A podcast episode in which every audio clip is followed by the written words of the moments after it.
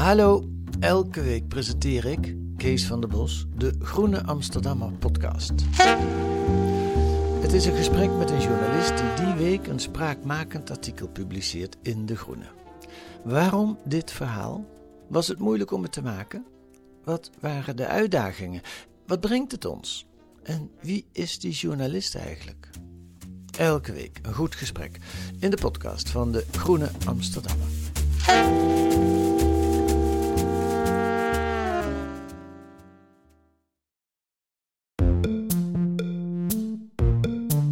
Fijn dat je luistert naar Boeken FM, de literaire podcast van de Groene Amsterdammer en Das Mag.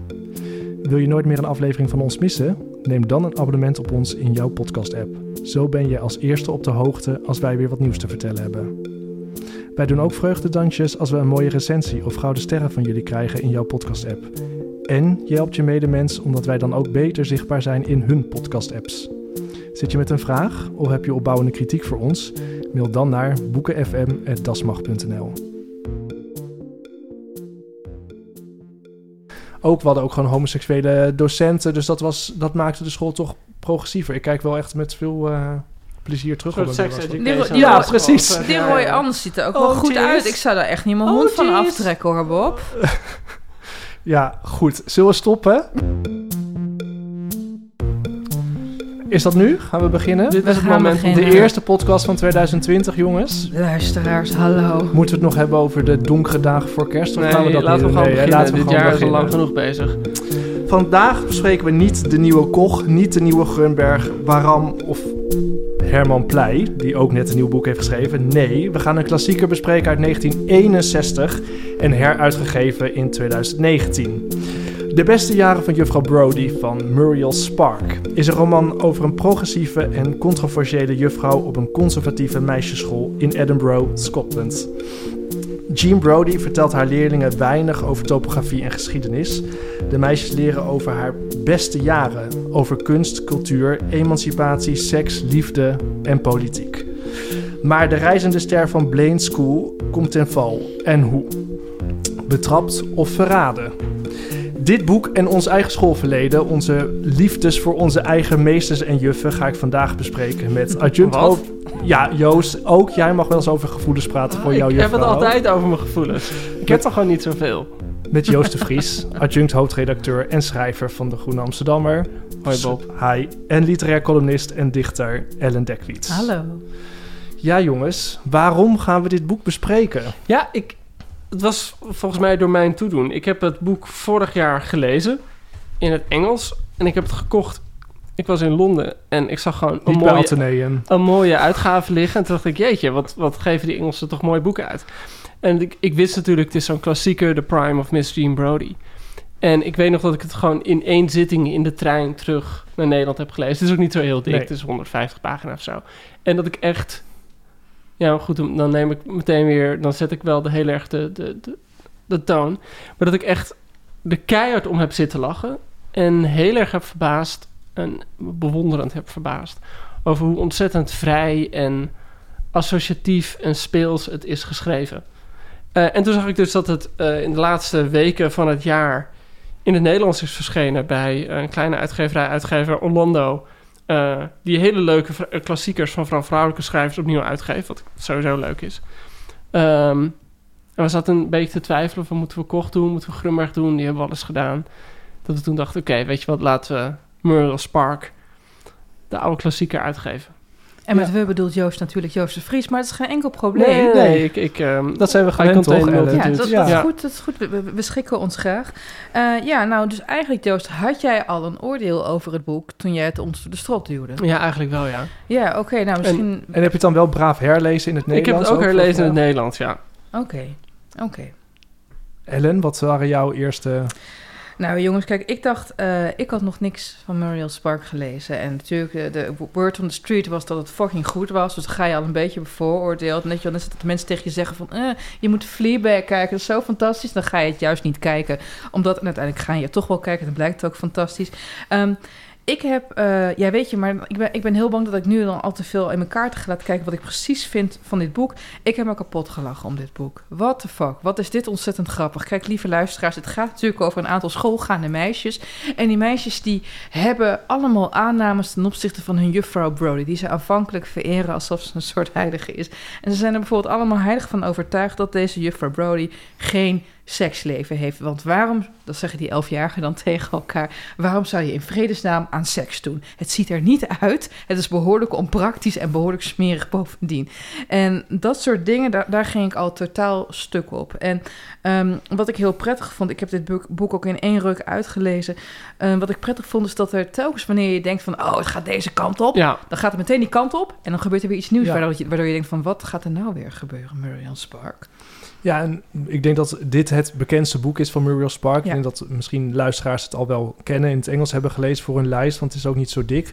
Maar ehm, ik neem aan, Joost, dat jij wel wat, ons wat meer kan vertellen over deze Ehm, Muriel ja voordat Spark. we het verder over het boek hebben. Ehm, ja, ik bedoel, ik kan ook niet oneindig veel vertellen over Muriel Spark. Maar het is wel zo iemand dat als je gewoon een blik werkt op haar biografie, zie je dat het gewoon iemand is met een buitengewoon interessant leven geweest. Een jaloersmakend interessant leven. Ja. Eh, ze is geboren in 1918, Schots, eh, Edinburgh, waar, ze, waar dit boek ook afspeelt. En eh, ze is toen in de jaren 30 getrouwd, heeft een kind gekregen in Zimbabwe. Toen heette dat nog Rhodesië. Dat hoorde toen nog allemaal onder de, viel allemaal onder het Britse Empire. Was getrouwd met een zwaar alcoholistische, zwaar depressieve man. Eh, die ze daar volgens mij heeft achtergelaten. Ja, wel zijn naam gehouden. Wel zijn naam Ja, gehouden. ze want zei ook ja, het ik enige bedoel, goede aan hem was zijn naam. ja, Ja. want Spark is wel echt een behoorlijk goede schrijversnaam, inderdaad, ja. En toen is ze teruggekomen eh, tijdens de oorlog. Zat ze in Londen en werkte ze in de intelligence. Dus in het verzamelen en het, eh, van informatie. En vooral, eh, volgens mij zat ze bij die eh, beroemde eh, afdeling... waarin berichten eh, werden gecodeerd. ja, gecodeerd en, en eh, ontcijferd. En wat toen volgens mij voor haar een van de belangrijkste... Eigenlijk gebeurde twee... Had ze twee bekeringen in haar leven. Eh, de eerste was tot de katholieke kerk. Eh, dat zit volgens mij ook al heel erg in eh, de beste jaren van juffrouw Brody... waar het geloof ook gewoon een grote rol speelt. Eh, en voor haar was dat een soort van eye-opener. Ze werd katholiek. En katholiek is natuurlijk bepaald een minderheidsgodsdienst in Engeland. En voor haar was dat voor het eerst dat ze een soort van sluitend mensbeeld kreeg. Van schulden, eh, schuld en boete en verlossing. En dat zei ze zelf later in alle interviews. Dat maakte dat zij kon gaan schrijven. Opeens had ze een model. Vond ze in het geloof een model waardoor ze naar de wereld, naar de mens kon kijken. Ze was wel een goed gezelschap, toch? Als ik dat goed Ja, dus ze zat heb. bij Evelyn Waugh. Ja. En Mm. eh, je had natuurlijk echt zo'n heel groepje. eh, Graham Greene, Die allemaal later tot het ja, eh je katholieke had, geloof. je had echt ja. zo'n... eh, in Engeland is dat natuurlijk echt zo'n... ehm, ja, soort van, van hechte eh, minderheid... die ook wel heel fanatiek met elkaar bezig was. Dus ze, bevond zich daarmee ook meteen... in een bepaald soort eh, ja, echelon van de maatschappij. Wat wel lekker voor haar was, denk ik. Maar de tweede bekering eh, die ze had... was namelijk dat ze gewoon uit de kast kwam. En ze bleek lesbisch te zijn. En ze was met een beeldhoudster, geloof ik, tot haar dood... En eh, heeft volgens mij het grootste gedeelte van haar leven ook in Italië, Italië. gewoond. Maar die beeldhouster, bedoel je dat meisje dat dus ook haar persoonlijke assistent werd? Ja, volgens mij is dat dezelfde Want, inderdaad, want, ja. want daar is ook een boek over vrijgekomen. En daarin wordt juist gezegd dat ze eigenlijk dat het gewoon platonisch was, maar dat ze zich wel gedroegen als verder als een getrouwd stel. Oké, nou ja, goed. Dus. eh, ik, ik was er niet bij. Dat, Nou ja, nee, geloof Maar, ik maar ja. een goede vriend kan ook je oh, goede vriend of vriendin Ja. kan ook uiteindelijk ook je ware liefde blijken te Nee, zijn. tuurlijk. hè? Ik bedoel, Zoals ik het begreep was het ja. wel gewoon echt een lesbische relatie. Was het niet platonisch, maar dat is tegenover dat... eh, ik was niet bij. En toen heeft ze eigenlijk een serie boeken geschreven. Allemaal best wel een soort van kleine boeken. Dus geen hele grote, dikke dit formaat boeken. allemaal. hè? Beetje Ja. dit formaat, inderdaad. En die zijn ook wel... Ze is een aantal keer genomineerd geweest voor de Booker Prize. Ze is ook tot de adel... Of tenminste, ze is Dame. Dame Muriel Spark geworden. Het is wel gewoon zo iemand die echt heel erg werd gewaardeerd. Ja, in je Dame eh, Spark, dat is alsof je in Ja, Dame Spark, ja. Race zo'n personage zou je toch tegenkomen. Ja. I love that. geweldig, ja. Ja. Ik heb eigenlijk maar één ander boek van haar gelezen, The Driver's Seat. En dat is echt geweldig. Ik heb het toevallig net, vorige week was de presentatie hier van eh, Peter Buurman. Ik heb het aan hem cadeau gegeven. Eh, eh, want op een of andere manier deed mijn boek een beetje aan denken. Het gaat over een soort van, ja, gekin eigenlijk. En, en dat is een beetje hetzelfde als met de Prime of Miss Jean Brody. Het duurt een tijdje voordat je doorhebt van... oh, wacht, je hebt eigenlijk gewoon met een soort van... totaal onthecht, hoekig, rabiaat personage te maken. En dit gaat over een vrouw, volgens mij iets Scandinavisch of zo. En die gaat op reis naar Italië... En langzaam maar zeker kom je erachter dat de man die ze wil gaan opzoeken helemaal niet bestaat. En ze- Spoilers, Joost. ja, nee, nee. En ze wordt vermoord. Maar dat wordt ook in het. Spoilers. Maar dat wordt gewoon in het tweede hoofdstuk wordt dat gezegd. Van Geen alles. spoilers. Geen spoilers. dat, dat, ze noemt zelf het boek een, een Why Done It. Dus geen Who Done It. En dat is Mm. zo'n fascinerend boek. Mm. Het is zo grappig en zo raar en zo. Vond je het beter dan dit boek? Nee, ik vond dit boek beter. Maar ik vond het wel op hetzelfde niveau zitten. Wauw, oké. Hey, heel veel tussendoor, lieve luisteraars. Hè? We hoorden net de beladen namen afvallen. Onze lieve Peter, Peter Buurman. Buurman. Ik, ik heb van sommige mensen het vragen van... ja, waarom pesten jullie Peter een beetje buiten de uitzending om? Hè? Is dat gewoon woede dat hij jullie heeft verlaten? Het antwoord is ja. Maar we houden natuurlijk ook heel veel van hem. En ik moet erbij zeggen... alle mooie recensies die nu voor zijn eh debuutroman binnenstromen... die vervullen mij ook met trots. Ik ben, hebben jullie hem al gelezen? Ja, het is echt zo trots. Weet je, Ja. alsof je gewoon je broertje met Down syndroom gewoon een heel mooie Ja, tekening heeft ook. gemaakt. Zo voelt het een knap. beetje met dit boek En ik van vind het heel leuk, gewoon de, de, de mooie sterrenrecensies en zo over. Ik heb hem ook eh, geappt, dat ik het heel knap van hem vind. Ja, knap. Dat is het Echt juiste woord. knap, Gewoon ja. heel knap. Ja, ja. gewoon heel fijn dat voor hem ook gewoon een keer de sterren op de juiste manier aan de hemel staan. Hoe heet het boek ook weer? Ik weet het niet meer. nee, maar weet ik ook niet meer of het boek. Maar Peter Buurman. Jongens, echt heel Google mooi. Peter Buurman. Peter Buurman. En dan, heb je, dan heb je een goede nachtrust als Ja, je het een goede Ja. nachtrust. Volgens mij ook, ja. Nee, maar... Terug naar Muriel Muriel Spark. Spark. Wat, wat ik dus zo heerlijk vind aan dat personage... en wat dat betreft lijkt Gene Brody wel een beetje op dat personage van de driver's seat... is dat, het, dat je eigenlijk de hele tijd niet echt kunt peilen wat ze nou is. Want eh, het boek heet De Beste Jaren van mevrouw Gene Brody. Dat zegt ze bijvoorbeeld de hele tijd. En eh, ze zegt van, da dames...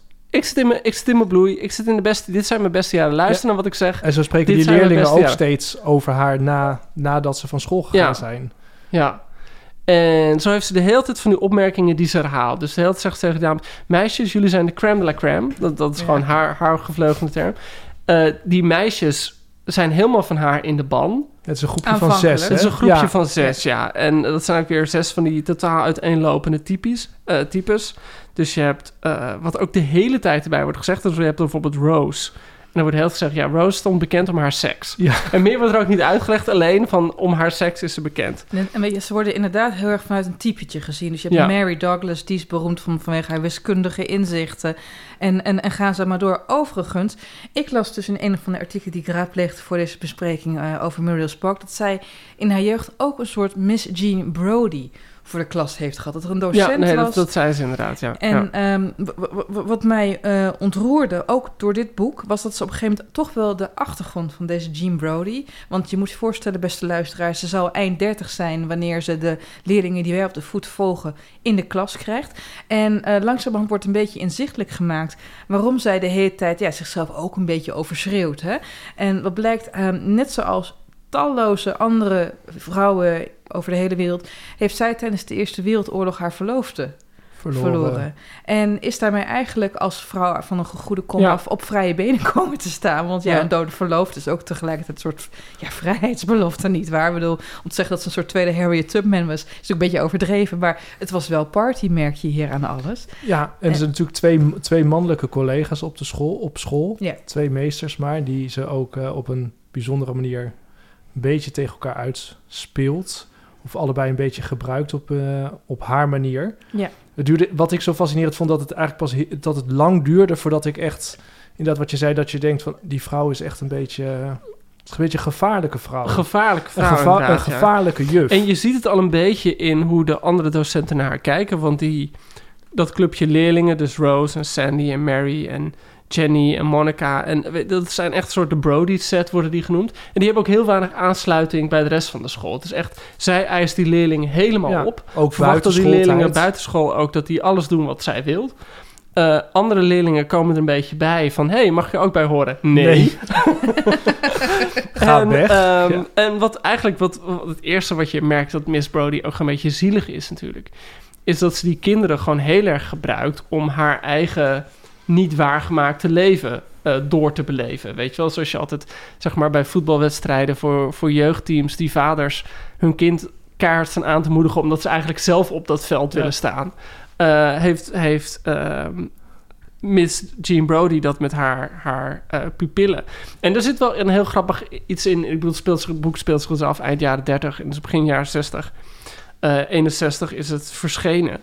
Maar wat bijvoorbeeld heel opmerkelijk is, is dat eh, zij heeft dus twee leraren die haar aanbidden. En eentje is mist een arm, geloof ik. Ja, die heeft... eh, De ja. schilder. Ja, de schilder die mist een arm. En eh, de ander is eh, getrouwd, dus daar mag ze officieel niet iets mee. Nee, nee, nee. De Of is het omgekeerd? De schilder nee, is... Nee, luister, de schilder is getrouwd, mist een arm. Oh ja. En de ander, dat is een wat ja, kneuzige docent... die in een heel groot huis jarenlang onder het juk van zijn moeder leeft... en nu alleen is. Ja, met En- een huishoudster die op een gegeven moment weggaat, toch? Ja, die een beetje verdwijnt. Ja, Ja, en dan- is dat Mr. Lloyd? Ja, Nee. toch? Nee, Mr. Mr. Lloyd is, de eh, de, schilder. is de Oh, schilder. sorry. Mr. Lowther Ja. is eh, de andere man. En eigenlijk durft Jean Brody het niet helemaal aan om een affaire met hem te beginnen. En dan gaat ze die meisjes aan. Gaat ze dus een van die meisjes, die meisjes zijn 15, 16, Ja, bij 17, die Lloyd zoiets. gaan ze, die, maar gaan, moet, die meisjes moeten Ja, daarheen. En dan heeft ze het idee dat Rose, die bekend staat om haar seks, seks. terwijl niemand weet waarom ze bekend staat om haar seks, eh, ehm, die moet dan eigenlijk voor haar die affaire met hem beginnen. En het grappige is dat terwijl eh, Rose bekend staat om haar seks, weet ze er tegelijkertijd niets van af. Nee. Dus ze snapt eigenlijk niet wat er aan de hand is. Waardoor dan een van die andere meisjes Ja. het maar gaat doen. En bij die andere docent worden dan eh, twee collega's van haar geplaatst om een beetje voor hem te zorgen, zodat zij, die moeten dan maar een soort af- een relatie met hem gaan beginnen, Ja. omdat zij het ook niet kan, want ze worden op een gegeven moment toch betrapt in het, eh, in het lokaal, ook dat ze zoenend... ja, Ja, Eén hè? keer. Ja, één één keer, keer. ja. Ja. ja. Dat wordt ook niet echt geloofd, want de juffrouw heeft geen seks, dus het wordt niet geloofd dat, dat eh, Sandy heeft ze zoenend gezien, ja, geloof dat, dat. Ja. geloven ze niet. Nee. En dat vind- dat- Mary. Maar Oh, ja. Dat, dat vind ja, ik dus ook heel goed gedaan. Dat die, je hebt inderdaad, wat Ellen zei, het zijn een beetje van die typetjes, die meisjes. Zo, en die, Op- zijn, Op twee na, maar Ja. daar komen we zo meteen op. en Ja, ja. eh, die zitten gewoon ook in een soort van concurrentiestrijd met elkaar. Want iedereen wil gewoon het dichtst bij Miss Jean Brody zijn. Ehm, en die dynamiek, dat is eigenlijk waar dat, dat hele boek... eh, Want er zijn Ja. ook weer groepjes hè, onderling. Het is één groep, die zes meisjes, maar het zijn ook weer, weet je, Rose en Sandy zijn dan ook weer heel veel samen. Ik had heel erg die Sandy wordt vaak lelijk genoemd ja. door de juffrouw, maar ook door die, eh, door die Mr. Lloyd. Wat ben je eigenlijk lelijk? ja, En, dat vindt, en dan Rose vindt dat dan volgens mij weer fijn, want dan gaat het eigenlijk allemaal om. Dus ja, dat, is ook wel. knapper is. Maar Sandy is dan weer het slimst, uiteindelijk. Dat is gewoon degene met de meeste ja, en die gaat uiteindelijk het klooster in. Ja. En dan heb je Mary, die is het domst. Dat wordt ook Ja. hele tijd gezegd. Dat wordt ook meteen beschreven. En dat, dat zegt heel veel over de stijl van het boek. Gewoon hoofdstuk 2 wordt meteen gezegd... Mary werd maar 23 jaar oud. Ja. En er wordt ook de hele tijd beschreven hoe ze doodgaat. Ja, echt ze is heel doodgegaan. tragisch. Ik moest er heel Ja. erg om Ja. lachen hoe dat wordt Ik, ik zag er echt Gewoon, rennen door ja, die gang. wordt Ja. beschreven dat er een brand uitbreekt in een hotel... en dat ze gewoon de uitgang niet kan vinden... en dan heen en weer blijft rennen door de gang... totdat ja. ze struikelt over iemand die daar ligt... en dan maar doodgaat. Ja, En eh, dus elke keer als er iets over die, die Mary wordt gezegd, wordt dat erbij vermeld. Dus je hebt de hele tijd van die heel veel flash, herhaling. ja, maar flash forwards ook verder de toekomst in. En er wordt ook veel gezegd van, oh, jaren nadat Miss Jo- Brody doodging. Nou, dan komt dit, eh eh, zit dat er soort in. Maar die humor wordt op een gegeven moment ook schrijnend. Want eh, ik ging echt heel erg stuk tot je op een gegeven moment... eh, je, je denkt dat die, dat die Miss Brody ook eigenlijk die kids een beetje gebruikt voor de eigen vermaak. Want laten we wel wezen, hoe leuk is het nou om in een tijd waarin anticonceptie nog middelmatig werkte... een, Ja. oude vrijster te zijn op een school ja. in Edinburgh. En op een gegeven moment eh, begint eh, Brody wat te vertellen over de wereld. En dat is uitzonderlijk, want eigenlijk ehm, richt ze haar onderwijs aanvankelijk alleen maar op de schone kunsten. Hè? De poëzie. Het- Ze, is, van Tennyson leest ze The Lady of Charlotte. Dat is een heel lang gedicht. Tot in en voor. Maar je kunt op een gegeven moment ook helemaal eh mee. En ehm, op een gegeven moment wordt er ook dit gezegd over die eh, lessen van, eh, van, van Brady. Van Brody. Het drong tot haar door. Dus van Mary McGregor. Dat is de, de wat dommige meisje. Welke pagina die, eh, zit je? Op pagina 21, 22, sorry. Het drong tot haar door dat de eerste jaren met juffrouw Brody... toen ze zat te luisteren naar al die verhalen en opvattingen... die niets met de wereld van alle dag te maken hadden... de gelukkigste tijd van haar leven waren geweest. En Brody stopt die meiden ook vol met kennis... die eigenlijk helemaal niet zo praktisch is... maar die wel van hen echt verfijnde, haast een soort... eh, Je, je hebt op een gegeven moment heb je in ehm, Pride and Prejudice... dan vertellen ze wat een accomplished girl allemaal moet kunnen. Borduur figuren tekenen. Je hebt totale dingen waar je geen zak aan hebt wanneer er een tijger tegenover je staat. En die chicks die worden hier ook zo opgevoed. En op, aanvankelijk denk je van nou wat leuk, ze worden als elite dametjes opgevoed. Maar gaandeweg wordt het, uh, begint het te schuren. Want deze Jean Brody die gaat in de zomervakantie graag op vakantie Ja. naar Italië. Italië. En Italië in de jaren 30 Was iets mee aan de hand? de sfeer Ja. was grimmig. Ik weet niet waarom. Dus- maar ze Ja. kwam altijd vol verhalen terug. Ja. Mussolini was aan de macht en daar was ze erg van onder de indruk. Ja, ze vond het Eh, prachtig. ja. En, en, en, en, en Wat dan, een held, die man. Wat een held. Maar ook, en, eh, en dan, toen had ik pas als lezer, ik dacht van, wacht eens even. Want ze bewondert Mussolini en het systeem daar om precies dezelfde redenen als dat ze zelf zich verhoudt tot die meisjes. Ze is eh, eigenlijk intens fascistisch van aard. Ja. Ze en zoekt altijd, ze zoekt een crème de la crème, sorry Joost, maar ik moet even uitspreken, want anders vergeet ik wat ik heb gezegd. want Ik heb een hele lange dag gedraaid en ik heb totaal geen Ritalin geslikt vandaag. Ze is sterk antidemocratisch. Die meisjes die hebben totaal geen inbreng in wat er in die lessen gebeurt, wat er onderling gebeurt. Ze heeft één zwart schaap, die ze ook de hele tijd afzeikt. Dus die Mary, over hoe dom en dik ze wel niet is. En het is, ehm, eh, ze, ze laat zichzelf ook graag verheerlijken door de rest. Ja, en wat ik ook zo, wat ik ook zo raar vond, is dat, dat zij mag alles zeggen, de juffrouw, maar zodra de meisjes het herhalen, worden ze wel op hun nummer Ja, gezet. ja. Weet je, dat mag Ja. je niet zeggen, dat Ja. hoort niet. Nee, dat, dat was voor mij een van de, de momenten dat ik... eh, nou, het gekke is, ik heb het nu dus voor een tweede keer gelezen... en nu zie ik het veel eerder in het boek al. Ja. Eh, Maar de, de eerste keer dat ik het las, dacht ik... oh, ze is gewoon een fascist. Dat is gewoon wat er met haar aan de hand is. En inderdaad wordt ook letterlijk beschreven... dat ze die zwarte hemden toch wel heel mooi vindt... waar die mensen in Italië mee rondlopen. Ja, maar later waren de, blijken de bruinhemden toch nog iets mooier te Ja, zijn. ja, en wat dan ook heel grappig wordt beschreven... dat was volgens mij de eerste keer dat ik het las... dat ik het pas snapte... is dat op een gegeven moment wordt beschreven... dat wil één meisje, Joyce Emily... die wil heel graag erbij horen. En die mag er dan, op een gegeven moment mag ze er dan een beetje bij. En dan gaat eh Jean Brody heel erg op haar inpraten van... hey, in, eh, in Spanje is de burgeroorlog aan de hand. Moet je, moet je niet gaan meevechten in de burgeroorlog? En ze gaat dus dan meevechten in de burgeroorlog. Aan de kant van maar niet, Franco. maar niet aan de republikeinse kant van de socialisten... die voor vrijheid vechten. Nee. aan de kant van Franco en de fascisten. En dat meisje komt ook prompt om, weet je wel. Die wordt gewoon In de trein al. gebombardeerd Ja, in in de de trein er naartoe. ik dacht van, oh, dat is toch wel een hele bijzondere lerares... als Ja. die, je die je weet te overtuigen aan de feministische eh, zaak... In een, of de feministische, de fascistische zaak. Joost, dat het is een hele niet Freudiaans. Niet. Van puur- Maar wat heb je toch mooi blond haar trouwens, Ja. Joost? Nee, Kijk nou. ja. Maar de- Nee. Ja, speaking of, de zomer na Italië gaat ze naar Duitsland en Oostenrijk. En dan komt ze nog met nog, nog mooiere verhalen terug. Want dan was Mussolini eigenlijk toch wel een beetje een watje. En eh, de bruinhemden waren... Ja, Pragmatischer. ja, eh, ja effectiever. ja. Heb ik- ik, op een gegeven moment dacht ik, ze verzint het allemaal. Dat heb ik even een paar keer, een paar momenten... dat wie ik is dacht, ze? Eh, Brody. Brody, Brody ze, is, ze is helemaal niet op vakantie geweest naar die landen. Ze verzint het gewoon om indruk te maken eh, op die meisjes. Nou ja, terwijl de, de, de dingen die ze... De, de manier waarop zij haar leiderschap eh, vormgeeft, structureert... typisch fascistisch Ja. is. Dus je zou net zo goed kunnen zeggen dat... het is haast te erg om waar te zijn. Dat je erg om te willen geloven dat het waar is. En eh, de ironie is ook... op die school, lieve luisteraar... willen de hele staf wil dolgraag van juffrouw Brody af. Want ze is veel te vrijzinnig voor het reactionaire onderwijs dat ze daar geven. Maar ze krijgen maar geen excuus. Ze proberen haar te betrappen op heterdaad als ze met die docenten slaapt. Maar dat lukt niet. Op een gegeven moment vinden ze ergens tussen de dekens van een van die docenten met wie ze het bed deelt haar nachthemd. Maar Ja. dat, dat is dan weer weggehaald. Net, net wanneer ze het als bewijslast willen aanvoeren. En tot een van de meisjes van Miss Brody haar verraadt. Ze zegt, ja jongens, ze is een geboren fasciste, hè? Ja, let Ja, even maar op wat maar- anders. Ja, let even op wat anders. Nee, nee, maar dat, dat is inderdaad, dat wordt ook meteen aan het begin, en dat vind ik dus een van de, eh, waar ik net al over had, dat het boek zo vrij voelt geschreven. En dat, dat er de hele tijd van die gekke vooruitblikken in zitten. En ik, ik- je, je vraagt je ook de hele tijd af, wie vertelt dit nu eigenlijk? Eh, weet je wel, er zit een heel gek soort eh, alleswetende verteller in... die heel sardonisch heen en weer schakelt. Die wel schrijft op een manier alsof de verteller... niet zomaar op een wolkje boven ze hangt... maar echt de personages zelf kent. Je vraagt bijna dat het door- En graag afzeikt. ja, heel erg afzeikte ook, heel sarcastisch. Ehm, en er wordt inderdaad al vroeg in het boek gezegd van ze is verraden door een van haar pupillen. En ze heeft zelf nooit begrepen door wie. Nou, tegen het einde zegt ze wel van, nou volgens mij... Ja, Ja, maar ze noemt een paar namen. Ja, op een paar namen. En op het doodsbed pas heeft ze voor het eerst de mogelijkheid van... wacht, zou het die en die zijn geweest? Ja, maar dat mogen we natuurlijk nu niet zeggen. nee, we of gaan wel? niet zeggen... Ja, Nee. laten we... Ik denk dat we vragen hebben. Oh ja, Merel gebaard alsof jaar. er een vraag is. Ja, Hoi Bob, Ellen en Joost. Dank voor jullie fijne boekenpodcast. Ik luister met veel plezier en wil altijd graag de besproken boeken gaan lezen. Het maakt in de file staan een stuk aangenamer. Graag meer afleveringen per maand. Mijn vraag is: kan een personage in een roman iets onbewust doen?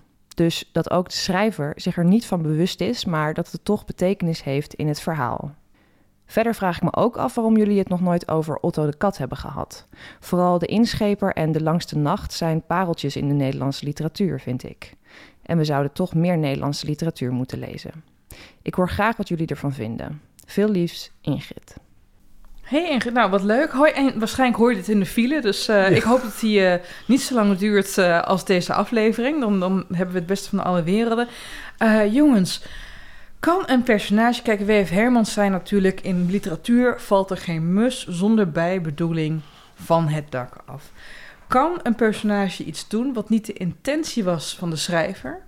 ik, ja ik, ik denk dat dit meer echt een vraag... Jullie schrijven zelf, dus ik denk dat dit meer een vraag is voor jullie eigenlijk, Joost. Eh, ik vind het een hele interessante vraag. En ik denk dat het antwoord ja is. Allereerst ehm, is een schrijver zelf natuurlijk niet altijd de beste criticus van zijn eigen werk. Dus ik geloof echt wel dat er schrijvers zijn eh, en bijvoorbeeld die niet doorhebben dat ze altijd op dezelfde manier over een bepaald gebeurtenis of eh, je ziet heel vaak dat schrijvers, denk ik, mannelijke schrijvers niet doorhebben dat ze altijd als een vrouw een scène binnenkomt het uiterlijk van een vrouw beschrijven en omgekeerd nooit het uiterlijk van een man beschrijven. Dus op, op dan gebeurt er iets waarvan een auteur misschien zelf niet doorheeft dat hij het doet. En dat kan natuurlijk ook kleuren hoe eh, personages kijken en hoe personages denken. Dat is denk ik iets. Kijk, wa- waar ik altijd wel van hou in literatuur is... ehm, kijk, Thomas Rosenbaum... Volgens mij heb ik dit wel vaker gezegd hoor... maar Thomas, Ro- Thomas Rosenbaum zei altijd... een personage moet een strevend perso- eh, personage zijn. Dus hij heeft een huis en hij moet een groter huis willen. En hij heeft een vrouw en hij wil een jongere vrouw. En hij heeft geld en hij wil meer geld. Hij, wil, hij moet iets willen. En wat ik denk altijd dat je daar aan toe moet voegen... is dat het personage zelf nooit helemaal moet weten waarom hij dat wil.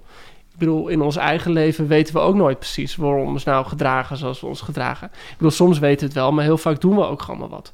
Dus ik denk altijd dat personages die zichzelf te goed in de gaten hebben, eh, een beetje saai zijn. Ik hou helemaal niet van die romans.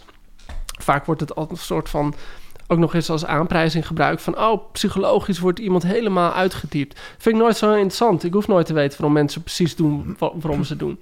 Ehm, dus wat dat betreft valt er wel iets voor te zeggen dat je als schrijver niet eindeloos zit na te denken van oh, mijn personage is dit, want zo en zo. Maar kan het ook zo zijn... Ik heb meer het idee dat, die, eh, dat Ingrid dat ook bedoelt... Van dat je denkt van nou, ik heb dit voor ogen. Weet je, mijn personage gaat nu eh, naar een club... en daar gaat hij dan een vrouw ontmoeten. En dan ben je dat aan het schrijven. Maar in het, tijdens het schrijven merk je eigenlijk dat je personage... eh, eigenlijk op zoek is naar een man. Weet je, dat je dat, dat, je dat als schrijver... dat je dat zelf... dat je als ver- schrijver wordt overvallen Ja. door... Ja, dat vind ik, vind ik een heel mooi voorbeeld is van... ehm, eh, is een hele mooie scène in The Sportswriter van Richard Ford. Heeft hij volgens mij met dat boek of het vervolg erop... Pulitzer gewonnen. Heeft hij de Pulitzer gewonnen. Goed, Ellen. En ehm, wat hij vertelde later bij het schrijven is dat hij had een scène waarin ehm, eh, de hoofdpersoon, eh, Frank Bascomb, eh, naar zijn minnares toe gaat om de relatie te verbreken. En dan zei van ja, ik was dat aan het schrijven en ik was halverwege die scène. En opeens dacht ik, ja, maar het is eigenlijk niks voor Frank om de relatie te verbreken. Het is meer iets om haar gewoon te ghosten en om gewoon via het wc-raampje te smeren. Dus die zei van halverwege het schrijven werd hij echt gewoon overvallen door het idee Ja. van dit klopt niet, dit kan helemaal niet. En ik denk wel dat, dat je als schrijver daar af en toe tegenaan loopt. En als romanschrijver, eh, wat, wat mijn eh, beste ervaringen zijn met schrijven, dat je soms zo met bepaalde personages in je hoofd rondloopt, dat ze echt als een soort van tweede blik met je meekijken. En dat ik bij sommige, eh, zoveel boeken heb ik ook niet geschreven, maar een paar boeken dat ik echt dacht van oké, Kan je, kan je die personages noemen? Wie heb je dat nou, ik heb bijvoorbeeld met Friso, was de hoofdpersoon uit mijn roman De Republiek, kon ik echt bij alles bedenken, oké, dit zou Friso gedaan hebben. En, en, en met het personage Joost de Vries uit Clausewitz? Ehm, Ja, was een, gewoon een oninteressant bijpersoon. Daar heb ik ook Joost de Vries genoemd. En, maar dat personage had ik dat veel minder. Dat was een veel vlakker personage op een of andere manier. Maar Friso was juist heel uitgesproken. En dan kon ik echt bij hem heel goed bedenken van... oké, dat is die zou dit hebben gedaan. En, dat, en, en ik kan me voorstellen als je zo met een personage leeft... en soms leef je natuurlijk ook jaren met dat personage in je hoofd... terwijl je je boek schrijft... kan je soms tegen dingen aanlopen die je... eh, waardoor je opeens kan denken... oh wacht, dit zou hij nooit gedaan hebben. Dan Ingrid, voor je- op jouw tweede vraag. Hè? Otto de Kat. Hebben jullie wat van hem gelezen? Nee. Historische romans? Nee, ik, ik weet wel dat er mensen zijn... Ja? Hij, hij is best wel succesvol in het buitenland, gek genoeg. Maar of ook gek in- genoeg. eh, Nee, in Hij is- Nederland ook, hoor. eh, Goede recensies. Ja, hij wordt altijd Ja. vertaald in het Engels en zo. Eh, maar ik heb hem niet gelezen. Nee. Tot mijn, eh, eh, maar als hij een nieuw boek heeft ingericht, dan, eh, dan eh zetten We we gaan, op geen belofte, we gaan geen beloftes meer doen, toch? Oh, Oh, geen shit. beloftes meer? Sorry, no Bob. promises, no promises Ingrid. Ja. Volgende vraag. Beste allen, ik ben Zina, ik kom uit Engeland en ik vind jullie podcast geweldig. Voordat ik mijn vraag stel, even een stukje context. Ik ben op dit moment heel erg bezig met place and identity. Ik doe mijn promotieonderzoek over gentrificatie. Ik ben buitenlander en ik denk ook vaak na over de betekenis van thuis, migratie en heimwee.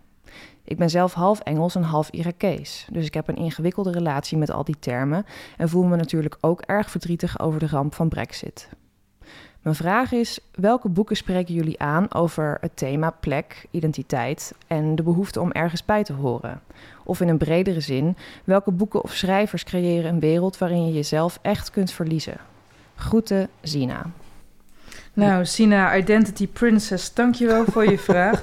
Eh, wat fantastisch dat je hierop gaat promoveren. Echt, echt super interessant. Zeker hot topic natuurlijk in dit soort tijden. Ja, weet je, ehm, identiteit, als ik kijk naar de Nederlandse letteren, eh, om, om maar eerst dat eerste deel van je vraag te beantwoorden, is natuurlijk een thema wat je heel veel tegenkomt eh, bij migrantenliteratuur. Hè? Ik, denk daarbij aan het werk van Abdelkader de Manali, eh Hafid Bouassa, maar ook de Indische literatuur. En als ik kijk hoe bijvoorbeeld ontworteldheid, het twijfelen tussen je etnische en je staatsrechtelijke identiteit, dan denk ik aan het land van herkomst van Edu Perron, waar de hoofdpersoon zich enerzijds Hollands voelt, anderzijds super Indisch. En ook in Europa, waar je uiteindelijk na veel omzwervingen terechtkomt, eigenlijk helemaal niet meer kan aarden. Dat vind ik eigenlijk heel interessant. En kijk, omdat de kolonie, omdat Indië natuurlijk echt een. Mensen werden verplant vanuit de Nederlandse literatuur, hoeps, de Nederlandse cultuur, wat ook een soort literatuur is natuurlijk, vanuit de Nederlandse cultuur naar de Indische, eh, zie je heel erg mooi eh, die worsteling daarmee. En om op je tweede vraag te komen, boeken waar je echt je helemaal in kan verliezen. Nou, Zeg het eens. nou, Ik- ik, ik, ja, maar het is misschien heel makkelijk, maar ik had bij deze Muriel Spark dat ik echt in die wereld zat. En ook was het een heel dun boekje. Ik zat er helemaal in. Eh, een boek waar ik meteen aan moet denken is Exit West van Mohsin Hamid. Stond een paar jaar geleden op de shortlist van de Book Prize. Had moeten winnen. En wat daar zo ontzettend goed aan is gedaan, is... Het is aan de ene kant een heel menselijk, simpel verhaal... over een eh, jongen en een meisje in een stad ergens in het Midden-Oosten. Plek wordt niet genoemd, kan Syrië zijn, kan Irak zijn, kan van alles zijn. Die verliefd op elkaar worden en langzaam iets met elkaar krijgen.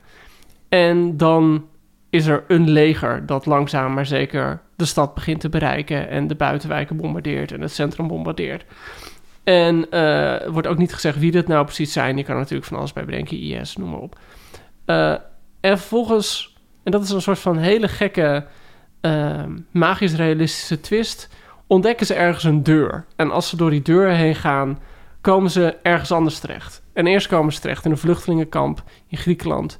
En dan gaan ze door een deur doorheen en dan komen ze opeens in Amsterdam terecht. En nee, niet in Amsterdam, eh, in Londen. En er zijn overal magische deuren op de wereld waar immigranten doorgaan en opeens in een ander land terechtkomen. Wat een cool, wat een cool uitgangspunt. Ja, het is echt een geweldig boek. Het is, het is maar 150 pagina's. Het is. Het is echt een boek wat ik echt met tranen in mijn ogen heb gelezen. Het is heel, heel slim gedaan. En het boek laat zo mooi zien hoe ontworteling werkt. Mhm. En hoe ze ergens terechtkomen. En dan zijn ze in Londen, in het chicste wijk van Londen... ehm, is zo'n deur en langzaam maar zeker komen er steeds meer vluchtelingen door. Mm. Door al die, die Londenaren in paniek raken. En niet weten hoe ze mee om moeten gaan. En wat het, wat het boek heel mooi laat zien is... ehm, eigenlijk in dat wat begint als een soort idyllische liefde tussen die jongen en het meisje. Dat je eigenlijk ziet hoe het de ene persoon wel lukt om helemaal cosmopolitisch in de wereld op te gaan. En van Griekenland naar eh, Europa, naar Amerika, over de hele wereld trekt. En aan zichzelf voldoende heeft. Eh, en aan de andere kant hoe, dat hoe die jongen steeds meer blijft, steeds ook in toenemende mate, blijft terugverlangen naar het land waar hij vandaan komt. En op elke plek waar hij, nieuwe plek waar hij terechtkomt, die cultuur probeert op te bouwen. En, eh, en eigenlijk ook in allemaal rituelen, of rituelen, in allemaal culturele tradities meegaat, die hij in zijn eigen land afhankelijk helemaal niet serieus nam. Gewoon puur uit, uit het gevoel van je mist je thuis, dan toch die rituelen zich gaat toe-eigenen. Mhm. En het Zie je is vaker trouwens. bij- ja, nee, natuurlijk. ja, Het ja. is zo menselijk gedaan en zo liefdevol. En ehm, eh, je voelt je altijd een beetje dommig als je dan zegt. Maar het liet mij echt iets zien over eh, migratie en over vluchtelingen. Op een manier zoals ik dat gewoon nog niet eerder had overwogen. En nog niet op die manier over had nagedacht. En eh, dus Exit West van Motion Meet, echt prachtig. Ik heb hem daarna, die Motion Meet, een keer kunnen interviewen voor De Groene. En ook ontzettend leuke vent. Dat is altijd zo heel eng als je een schrijver moet interviewen die je geweldig vindt. Dan ben je altijd als de dood van, oh, wat nou als het een eikel is, weet je wel. Dan, dan valt dat oeuvre ineens uit elkaar. En het bleek echt een super vrolijke, eh, grappige, slimme vent. Stop. Heb je het ook wel eens gehad dat je schrijver van wie je fan was interviewde... dat je dacht van, Ja, wie? ja, heb ik ook wie? gehad. Even namen. Eh, Michael Shaban. Oh, echt? Ja, ik was echt fan van hem. En ik was aan een optreden van hem geweest. En hij was echt zo super grappig en charmant. Ja. Ehm, en toen moest ik hem de ochtend, of moest ik hem de dag daarna interviewen. En ik was gewoon, dat denk ik ook hoor. Ik was denk ik de 25ste persoon die hem dat weekend interviewde. En hij kon gewoon niet meer. En je zag dat het echt iemand was die gewoon geen enthousiasme meer kon opbrengen voor, voor Joost de Vries. voor Joost de Vries. Nee, en, dus, en ik volg hem nu op Instagram en daar is hij wel weer heel leuk. Dus ik heb nu wel weer een soort van het gevoel bij hem terug. Maar dat was echt zo'n diepe teleurstelling. Iemand die zulke vrolijke, grappige boeken schreef. Dan zit je echt met zo'n hele uitgebluste man Ja. aan tafel. Omgekeerd heb ik ook wel mensen, schrijvers ontmoet die zo leuk waren... dat ik hun boeken dan ook leuker ben gaan vinden. Michael Ondaatje bleek bijvoorbeeld een super leuk... Ik dacht dat zo'n hele zware, serieuze schrijver zijn. Bleek echt een super vrolijke, grappige vent te zijn. Oh, Wat grappig. Eh, dus eh, maar omgekeerd heb ik het ook wel eens gehad met het, geen romanschrijver, maar een essayist eh, van de Age of Anchor, Pankaj Mishra. oh ja, Oh ja. Nou, dat geweldig was boek trouwens. Ja, geweldig boeken, Ja, maar ja. Wat, wat een nare, zagrijnige man. Oei. Dat ik echt zo helemaal naar Londen toe ging en niet eens een stoel van hem kreeg. Dat ik echt zo, Oh. mag ik hier gaan zitten? Zei ja, oké. Weet je en, eh, dus ik bedoel, soms kan je er echt eh, op afknappen, ja. Oh ja, ja, dat kan. Hè. Ik, ik had het met Nicole Kraus. Ik moet er even name droppen hoor. Ik bedoel, is aan het opscheppen. Nou, ik had het met Nicole Kraus. Die vond ik echt fantastisch. Vind ik een fantastische schrijver. Ook eh, natuurlijk een heel aardig persoon in het echt. Maar die was net bezig met een soort wereldtour voor Donkerwoud. En die lag als een soort uitgebluste rog Ja, over de tafel daar. dus, er kon er echt helemaal niks Ja. meer mee. Maar vaker, vaker valt het me juist mee. Ik heb Hilary Mantel een paar keer mogen ontmoeten. Dat is gewoon altijd feest. Door teneurs. Die was in oktober, was Oh ja. hij writer in residence. oh ja. Lachen, jongens. Die kan je dus overal mee naartoe nemen. Die vermaakt zich altijd. Het is de grappigste vrouw die ik in tijd heb ontmoet. En Michelle Faber. ja. Dat is een aardige man, zeg. Oh, ik had het trouwens ook met Don DeLillo. Dat was echt zo'n Oh, schrijver waar ik echt van dromen om te interviewen. Die geeft nooit interviews. Ja, En toen kreeg ik opeens een mailtje, wil je hem interviewen in New York? ja. Dus ik op kosten van de uitgever naar New York. Superleuk. Ja. En ik kom daar binnen en allereerst zei ze uitgever tegen mij... Oh, heb jij 15 minuten voldoende? Ik zeg, wat? 15 minuten? ik, ik ben uit Amsterdam komen aanvliegen. En toen uiteindelijk heb ik wel drie kwartier met hem gepraat... maar het was gewoon echt een hele verlegen man... die Oh. zich niks meer kon herinneren. Ook echt geen enkele... po- poging deed om een leuke anekdote te vertellen. Hij vertelde me een paar anekdotes... die ik al in alle andere interviews was tegengekomen. Het was zo'n man die gewoon op geen enkele manier zin had... om nog zijn best te doen. En toen liep ik daarvan weg. Toen dacht ik, wauw, was, was dit het nou? Ik was echt intens teleurgesteld. En toen moest ik voor, voor De Groene dat stuk schrijven. Toen ging ik toch weer lezen in zijn boek. En toen zat ik toch weer helemaal in het boek. En vond ik het toch weer helemaal geweldig. Voor welk boek Zero was dit? K was Oh, dat. ja. Een nulpunt eh, Ja. in het Nederlands. Dat vond ik echt geweldig. Ik wil nog wel twee boeken noemen voor- over eh, identiteit. Maar misschien, eh, dacht, misschien wil je twee mensen noemen Ja, die jij- lullen zijn in de winkel. Ja, want Maar- jij maakt ook veel schrijvers mee Ja. Joost de Vries, Ja, onder dat klopt, andere. ja, Ja. lekker flauw. Lekker, doe me, doe me Te makkelijk. Nee. Ik moest gelijk- klant, man. Godverdomme. Ik moest denken aan eh Sayed Kashoua. Kennen jullie die? Een eh, Palestijnse schrijver die Dancing Arabs heeft geschreven. Wat heel erg gaat over hoe het is om als Palestijn eh, eh, in, in, op de Westoever eh, te, te wonen. En hoe het is om nou ja, in contact te komen met, met, met Joodse medeburgers in Israël. En hoe die, die, die worsteling heel erg is. Dat vind ik, vond ik echt een heel erg mooi boek over, over, over identiteit en trauma. En wat daar heel erg in verworven zit. En het werk van Elif Shafak. Mhm. Ja. Zij woont inmiddels eh, Ja. in Londen. Ze heeft Turkije moeten verlaten. Maar wat ik heel erg knap vind bij haar is dat ze echt op een uitgezoomde manier kan kijken naar wat er in Turkije aan de hand is met eh vrouwenemancipatie en eh, vrouwenrechten. Dat vind ik ook wel echt. vind haar werk wordt altijd wel een beetje onderschat, vind ik hier in Nederland. Dus allemaal Elif. Is het vertaald? Ja, ze komt binnenkort. Haar nieuwe boek komt eh 30 Minutes komt binnenkort bij eh, uitgeverij eh, De Geus uit. Ja. Oké, oké.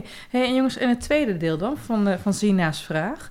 Eh, wel- in welke Ik- boekenwerelden kunnen De- wij verdwijnen? deze ook, To Deze Muriel ook. Ja. Maar dat komt ook omdat ik Sex Education aan het kijken was, seizoen 2. Oh mijn god. En ik zag die school.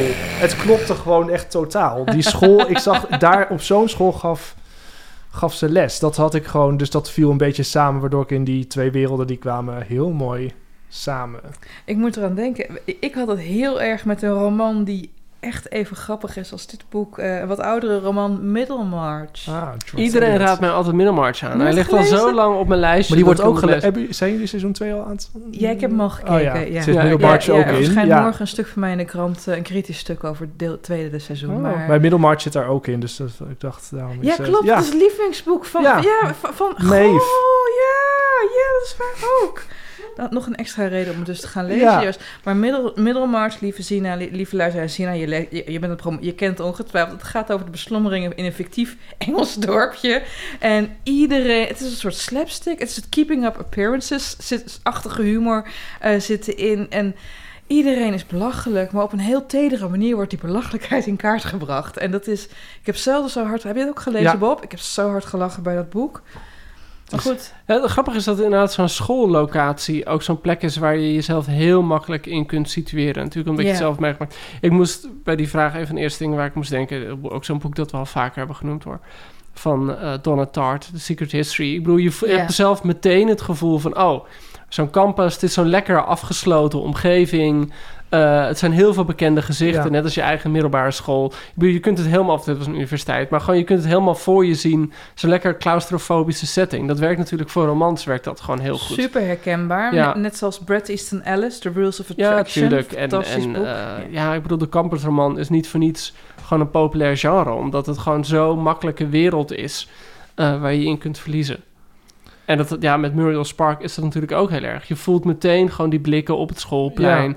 Wordt natuurlijk heel fijntjes, beschrijft Spark ook gewoon die onderlinge machtsrelaties en populariteitsrelaties. En hoe sociale klasse meespeelt in hoe leerlingen naar elkaar kijken. En hoe uiterlijk meespeelt. En hoe goed in, op school zijn meespeelt in wie het populairste en wie het belangrijkste is. We gaan terug naar de roman. Eh, we hebben genoeg over eh, Jean Brody, de juffrouw zelf, eh, gesproken. Maar er is ook een belangrijke tegenkracht eh, in het boek. Een van de zes meisjes, Sandy is haar naam. Ellen, wil jij iets over Sandy zeggen? Nou, deze Sandy, lieve mensen, wat een leuk personage is dat. Zeg. Ze wordt En lelijk, toch? Ja, Bob, maar er is meer dan uiterlijk vertoon. Ja, Sandy heeft nogal eh, ja, kleine oogjes, eh, weet je. eh, ze, wordt, ze wordt ook af en toe een beetje als een varkentje beschreven. Nou, varkentjes zijn hartstikke leuke dieren, daar is helemaal niks mis mee. En al vrij vroeg in de roman weet je ook dat Sandy later als non in een klooster zal eindigen. wa- Wat heel vreemd is aanvankelijk. Want je denkt van, hé, deze elfjarige die is gewoon, die heeft wilde ideeën. En die leeft ook de hele tijd in een soort andere dimensie. Ehm, bijvoorbeeld als zij een boek leest, dan is zij tijdens die les van Miss Brody ook half met haar hoofd in het boek. En die personages van de boeken die ze leest beginnen tegen haar te spreken. En op een gegeven moment wordt die fantasie groter en groter. Dit meisje deed me denken, hebben jullie Pan's Labyrinth gezien? Ja. Nou, dan heb je dat, dat meisje daar in de hoofdrol. Dat zit de hele tijd in een soort fantasiewereld en zo. In dit geval bij Sandy is het niet eh, ja, de Spaanse burgeroorlog... maar gewoon het deprimerende Edinburgh van de jaren dertig. En ehm, op een gegeven moment gaat ze naar een balletvoorstelling... waarin eh, Anna Pavlovna danst. En dan eh, gebeurt er het volgende. Anna Pavlovna, tijdens die voorstelling... althans in de fantasie van Sandy...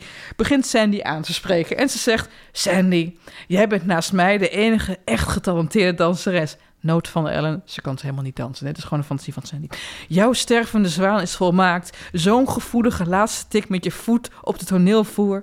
Ik weet het, zei Sandy in een weloverwogen voorkeur boven het ach, ik doe mijn best, terwijl ze zich achter de coulissen ontspande. Pavlovna knik- knikte wijs en staarde even voor zich uit, met ogen vol vol tragisch bandelingschap en vol kunst. Nou, heerlijk jongens. En wat het mooie is, op een gegeven moment weet je ook al vrij vroeg in de roman dat Sandy, wanneer ze eenmaal een non is, een boek gaat schrijven. De transfiguratie van het alledaagse. En dat is een boek waarin nou eigenlijk precies wordt beschreven wat zij de hele tijd doet. Via haar verhaaltjes aan de werkelijkheid ontkomen. Wat aan het begin ironisch is. Want ze zegt de hele tijd van ja, dit waren toch eigenlijk onze beste jaren. De jaren die wij met mevrouw Brody waren. En dat wordt, dat wordt op een gegeven moment zo mooi. Ik weet niet of ik dat moet verklappen, maar Ja, Ja. dat wordt op een gegeven moment zo mooi bij elkaar. Dan, dan komt een fan. Sandy is al lang zuster Helena van de Transfiguratie in het Ja. klooster geworden. Eh, zit ook, want dat heb je bij sommige kloosterorders voor nonnen, zit achter de tralies. Hè? Ik weet niet of jullie dat eh, kenden, maar ik heb een keer Birgit Tenesse bezocht ergens in Noord-Brabant. En die zitten ook achter slot en grendel om de verleidingen van de buitenwereld vooral buiten hun binnenwereld te houden. En dan gaat deze fan, die groupie, die gaat haar interviewen en dan zegt hij, of vraagt hij van, wat zijn de belangrijkste invloeden uit uw schooltijd geweest, zuster Helena? Waren die van literaire, politieke of persoonlijke aard? Of was het misschien zelfs, vloeken in de kerk, het Calvinisme? En dan zegt Sandy, er was een juffrouw Brody in de beste jaren van haar leven. En dat vind ik zo ontzettend prachtig, want daarmee heb je allereerst een soort verantwoording, waarom ze zelf de hele tijd half in die zijwereld wegduikt. Weet je wel, haast alsof die lessen er niet meer toe doen. En dat alleen de verbeelding die ze als een soort afzetpunt tegen die lessen begint, het mogelijk maken.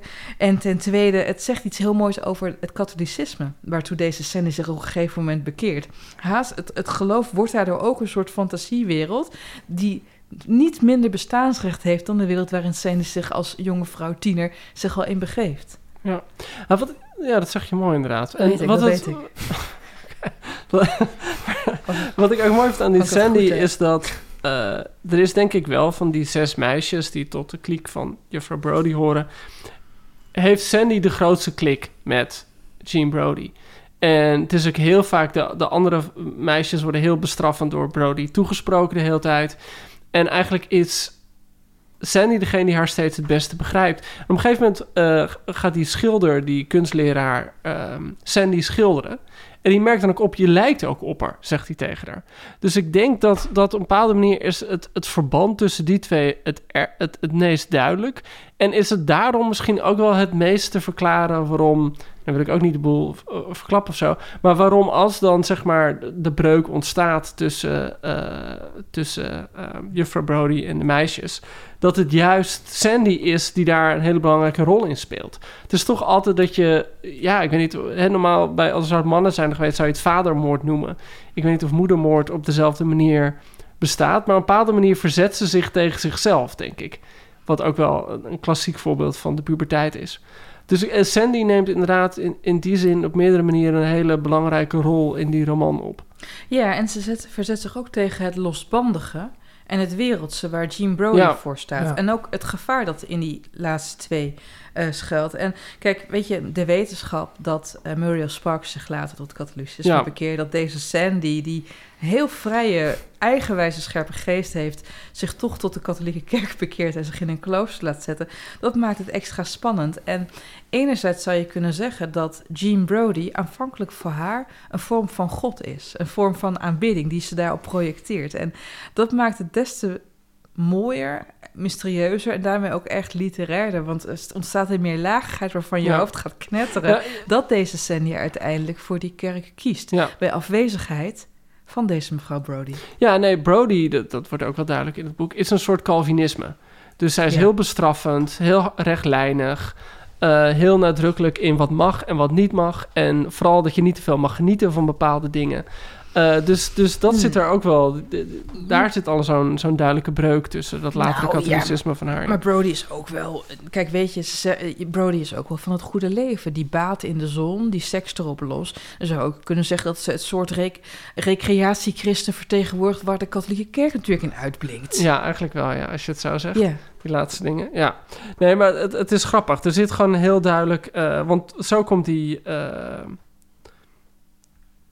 wat jij citeerde, wordt ook letterlijk gevraagd van... heeft u zelf met, met het Calvinisme eh, te maken gehad? En dan begint eh, zuster Helena van de Transfiguratie dus over Jean Brody. Dus er zit zo'n directe link tussen die twee. Ik had, ik had ehm, dat heb ik eigenlijk niet vaak. eh, ehm, ik had na dit boek dat ik meteen interpretaties wilde gaan opzoeken. Van, want ik, ik, ik, ik kon er kaas van maken, maar tegelijkertijd was er nog zoveel open en zoveel heerlijk mysterie. Ik dacht van, oh my god, wat hebben derden hierover gezegd? Hadden jullie dat ook? Of was het voor jullie... eh, Nee, eigenlijk Nee? heb ik dat... Nee, ik vond, Oh, het, ik wel, ging- vond het wel mooi af. ja, Met ik met dat- niet. Met die, en wat heb je dan zo al, zo al gelezen? Nou, wat vond de onder derde andere- ervan? uh, derden zeiden van, nou, het is, het is duidelijk... eh, die, die gingen heel erg op de autobiografische tour. Van, eh, Sandy is duidelijk een spreekbuispersonage Ja. van Spark. Ja. Nou, dat weet ik, eh, dat weet ik niet 1, 2, 3.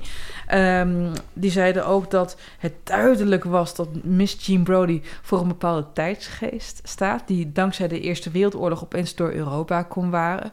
Nou, dat, dat kan je vinden, weet je wel. Ik bedoel, zij is De natuurlijk... Roaring Twenties en De. Roaring Twenties, maar ook de reactie, de, de soberheid die volgde op de Eerste Wereldoorlog. Ja, je zou kunnen zeggen dat ze daar een perso personificatie van is, maar daar is het tegelijkertijd ook te veel een typetje voor. En te veel, ja, toch menselijk, eh, denk ik. Dus ik weet, ik kwam er nog niet uit en dat vond ik wel Ja, bevredigend. ik vond er ook geen typetje in de zin dat Jean Brody heeft alle uiterlijke kenmerken van het typetje. Met rare catchphrases en eh, bepaalde kleding die ze draagt. Ik bedoel, je ziet er als typetje voor je afhankelijk. En tegelijkertijd had ik eh, groeiende mate het gevoel dat het ook gewoon echt een heel diep tragisch personage is. Iemand die ooit bepaalde mogelijkheden had in het leven, die eigenlijk een beetje aan zich voorbij heeft laten gaan en nu die meisjes probeert toch een soort van grotere vrijheid te beleven. Nee, ja, ze is toch, ze is, ze is anderzijds toch de, de totale libertijn. Nou ja, maar tegelijkertijd durft ze het allemaal niet. Ze, Dat ze is is, de libertijn, Ja, maar als het erop zo, aankomt, Ja, laat ja. ze dat aan die meisjes ja. over. Ja, dat heb je goed gezegd. Eh, dus dus ik, ik zit de hele tijd te denken van ze is, ze is bang ook op een bepaalde manier. En ze zegt die, moedigt die meisjes aan voor dingen die ze zelf niet aandurft. Dus eh, dat vond ik ook, ik vond haar ook permanent zielig op die manier. Ik had een soort medelijden met haar. Tragisch figuur Ja. ook. Hadden jullie een Goed. Miss Jean Brody? Op school. Oh, Oh, school. wat een goede brug. Wat ja, een goede eh, brug. goede brug, hè? Echt. Ik denk dat ik in die tijd geen mentor accepteerde. Ik was sterk heel erg anti-autoritair. Op wat voor school zat je? Dat speelt misschien ook nog Op wel. een heel strenge protestante school. Maar je had, je had, had je geen docent die wat losser was in... Ja, maar ik, ik, ik, ik nogmaals, kijk, ik spijbelde ontzettend veel. En ik had wel hele geweldige docenten Engels en Nederlands, waarvan ik ook echt veel heb opgestoken. Maar uiteindelijk, nee, niet, niet zo iemand als die Miss Jean Brody. Ik denk dat ik het zelf eerder eh, heb gehad in mijn vriendschappen met oudere schrijvers eh, en schrijfsters. Weet je wel, mensen tegen wie ik aanliep in het literaire wereldje en zo. Maar in die jaren des onderscheids... Nee, ik erkende eigenlijk geen hogere autoriteit, geen hoog, hogere levende autoriteit dan die van mezelf, waardoor ik een hele gezellige puber was.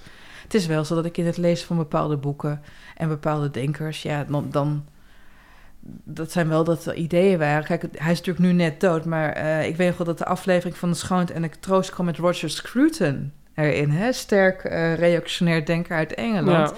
En daar was ik wel een tijdje door gefascineerd. En jij Joost, had jij een juffrouw Brody op school? Nee, ik had geen juffrouw Brody. Ik, ik, was ook niet zo dat ik heel erg op iemand wilde lijken. Qua, zeker niet qua leraar. Er was wel gewoon één leraar, Fred Dortweg, die gaf economie. En dat, dat deed hij op zo'n leuke manier. En niet alleen als het ging om economie, maar gewoon eigenlijk alles wat hij zei over de maatschappij en over cultuur en over lezen. Dat was zo'n hele brede, intellectueel gedragen man die echt zo alle hoeken op kon. Dat ik wel dacht, oh, dat, zo moet, dat moet ik ook kunnen. Dat moet ik, en dat ik nog bijna economie ben gaan studeren door hem. Ik bedoel, iedereen heeft altijd over die ene leraar die het verschil maakte. Nou, bij mij maakte hij bijna het verkeerde eh, verschil. Want als ik economie was gaan studeren, dan Had was ik hier- echt een hele slechte notaris En daar had je geworden. hier ook zo. niet was ik gezeten. had ik nergens geweest, nee. Ehm, eh, maar dat, dat was wel iemand waarvan ik, waar ik gewoon eh, heel erg tegen opkeek. En ook dacht van, goh, zijn mening is meer waard dan van de andere eh, leerlingen en docenten. Ik had het wel op de universiteit. Ik bedoel, ik ben qua gedachtegoed echt wel sterker beïnvloed door mijn docenten daar. Weet je wel, wat je ook bij de Hidden Secret, eh, bij de Secret History natuurlijk ziet. Maar Frans, Frank Berndsen, filosoof en letterkundige, heel erg sterk. Ik heb gastschrijverles gehad van onder andere Maxime Februari en Esther Jansma. Die hebben mij denk ik ook wel, ook zeker over kunst en literatuur, sterk beïnvloed. En jij, Bob?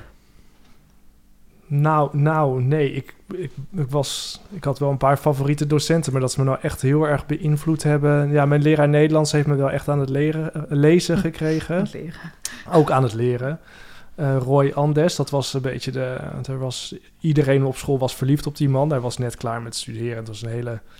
Jij ook, Bob? Was jij Nou verliefd ja, op ik- Roy? Op meester Roy? Het meester Roy. Het was, wel, het was een aantrekkelijke man. Tot, dat was wel grappig, totdat hij vertelde dat zijn vriendin zwanger was. Toen haakte ook echt iedereen af. Oh. Ja, moet je dat geheim houden. Ja, precies. dat moet je als knappe docent Gewoon gewoon nooit, nooit laten Nou ja, en mijn docent Frans heeft er wel... Die heeft me, want ik wilde altijd leraar aardrijkskunde worden toen ik naar de middelbare Wat? school ging.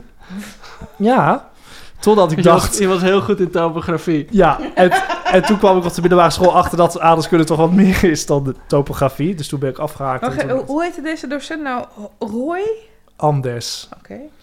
Je bent hem nu aan het googlen, Ja, of ga even googelen. Ga door, ja? Ja, en dus mijn docenten Frans hebben wel ervoor gezorgd dat ik uiteindelijk Frans ben gaan studeren. Maar eh, ja, nee. Verder, ik zat op een hele christelijke school die toch uiteindelijk toen ik in de bovenbouw zat wat, wat best wel progressief bleek. Eh, Waarin? Nou, we hadden bijvoorbeeld, er kwam, een, een, er kwam iemand als transgender uit de kast, zeg maar. En dat leek mij heel spannend, maar dat werd echt heel erg normaal gevonden. We kregen gewoon, alle leerlingen kregen een brief. En dat was, hè, weet je, we gewoon een. Eh, het was een eh, jongen die naar een meisje ging. En dat is gewoon heel normaal. En dat. Dus dat was. Dat verbaasde me echt enorm. En met Ja. mijn coming out en zo. En ook, we hadden ook gewoon homoseksuele docenten. Dus dat was. Dat maakte de school toch progressiever. Ik kijk wel echt met veel eh, plezier Een terug. soort op sex education. Ja, precies. Die ja, ja. Anders ziet er ook Oh, wel goed uit. Ik zou daar echt niet mijn Oh, hond van aftrekken hoor, Bob. Ja, goed. Zullen we stoppen? Oké, een ja. natuurlijk eindpunt Ja. voor, eh, voor de podcast. En ja. natuurlijk hoogtepunt van de, van de podcast. Zullen wij eh, eens even gaan, een cijfer gaan geven? Ja. En oh een god. slotconclusie, want we zijn... Misschien zijn we allemaal... Want we klinken enthousiast. We zijn ook enthousiast. Zijn Ja. we enthousiast? Ik, Ik, vond dit een fantastisch boek, mensen. Ik ook. ik, Ik ook. heb zo gelachen, maar ook tot nadenken gestemd. Ik vond de stijl heel erg mooi. Poëtische beelden tussendoor. En eigenlijk, eigenlijk heb ik met dit boek, wat ik alleen nog met het werk van, ehm, van Virginia Woolf heb gehad. Het is zo dense. Het is zo ontzettend Ja. dicht. En, en amper, nou hoeveel pagina's is het, kinderen? 170. 170 in het Nou, Nederlands. de- de- gigantisch dikke Er zit een wereld. hele wereld zit Ja. Ja. een hele wereld. Heel erg, zo ja, knap, zo ingedikt. Cijfer. 9,5. Eh, dan geef ik ook wel 9,5 hoor. Wow! Hallo. Ja, En Bob geeft een 7. Ja, ik geef een Ja, 7. Nee, nee, nee. Ik, ehm, ik ga gewoon voor een 10. Ja, Daarmee. nou, Wauw, jongens, dit is gênant. Ja. Is dit boek met afgerond een 9,7, eigenlijk nee, 65, het hoogst scorende boek ooit? Beste jaren denk ik van wel. Juffrouw Brody. Beste Bij- jaren, het uitgeverij beste boek dus ver, wat Ja. wij bij Boeken FM En nu gaan we alles van Muriel Spark lezen. lezen. En dat gaat dan vertaald worden. Hopen we. In het Fries. In het Fries. En dan krijgen wij allemaal blurbs op de achterkant. Ja. Ja, wat voor blurbs zouden we doen? Eh, de beste jaren van Juffrouw Brody waren de beste leesmomenten. Uurtjes van Joost de van, Vries. Joost de Vries. Van meneer de Vries, ja. Zoiets, was die slecht genoeg? Die was slecht. Ja, Ja, oké, heb, je, was- heb je heel goed gedaan. Oké. Wat gaan we de volgende keer doen, kinderen? dat hebben we nog niet we nog bedacht. niet bedacht. Het is een geheim voor jullie Ja. luisteraars. Ja, oké. Maar we komen er vlug weer. Ja. We komen er vlug weer. Dankjewel Joost en Ellen voor deze sprankelende Ja. bespreking van Really, Muriel Spark. really ja, cool. heel cheap. Als jullie vragen hebben, mail die naar boekenfm. Vinden we heel leuk. Eh, Ja. dit was een samenwerking van de Groene Amsterdammer en Das Mag. En eh, je- vertegenwoordig jij Atheneum eigenlijk? Of je vertegenwoordigt niemand? Ik vertegenwoordig niemand. Niemand. Ik ben Bob is onafhankelijk. Ja. Nee, we gaan voor nu in ieder geval wel het hoogste cijfer ooit. Dus Ja. zeggen dat dit boek Muriel's Redding was. Ja, Jezus, Ellen. Heerlijk, Goed, we moeten stoppen. Oké. Ik hoor het. Ik ga overleren. Dankjewel. Ik zag hem nu pas. Muriel's Redding.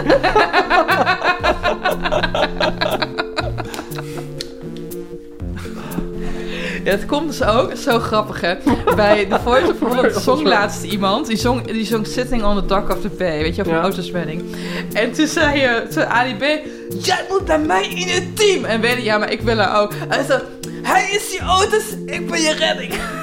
Nee, zeg je dat echt?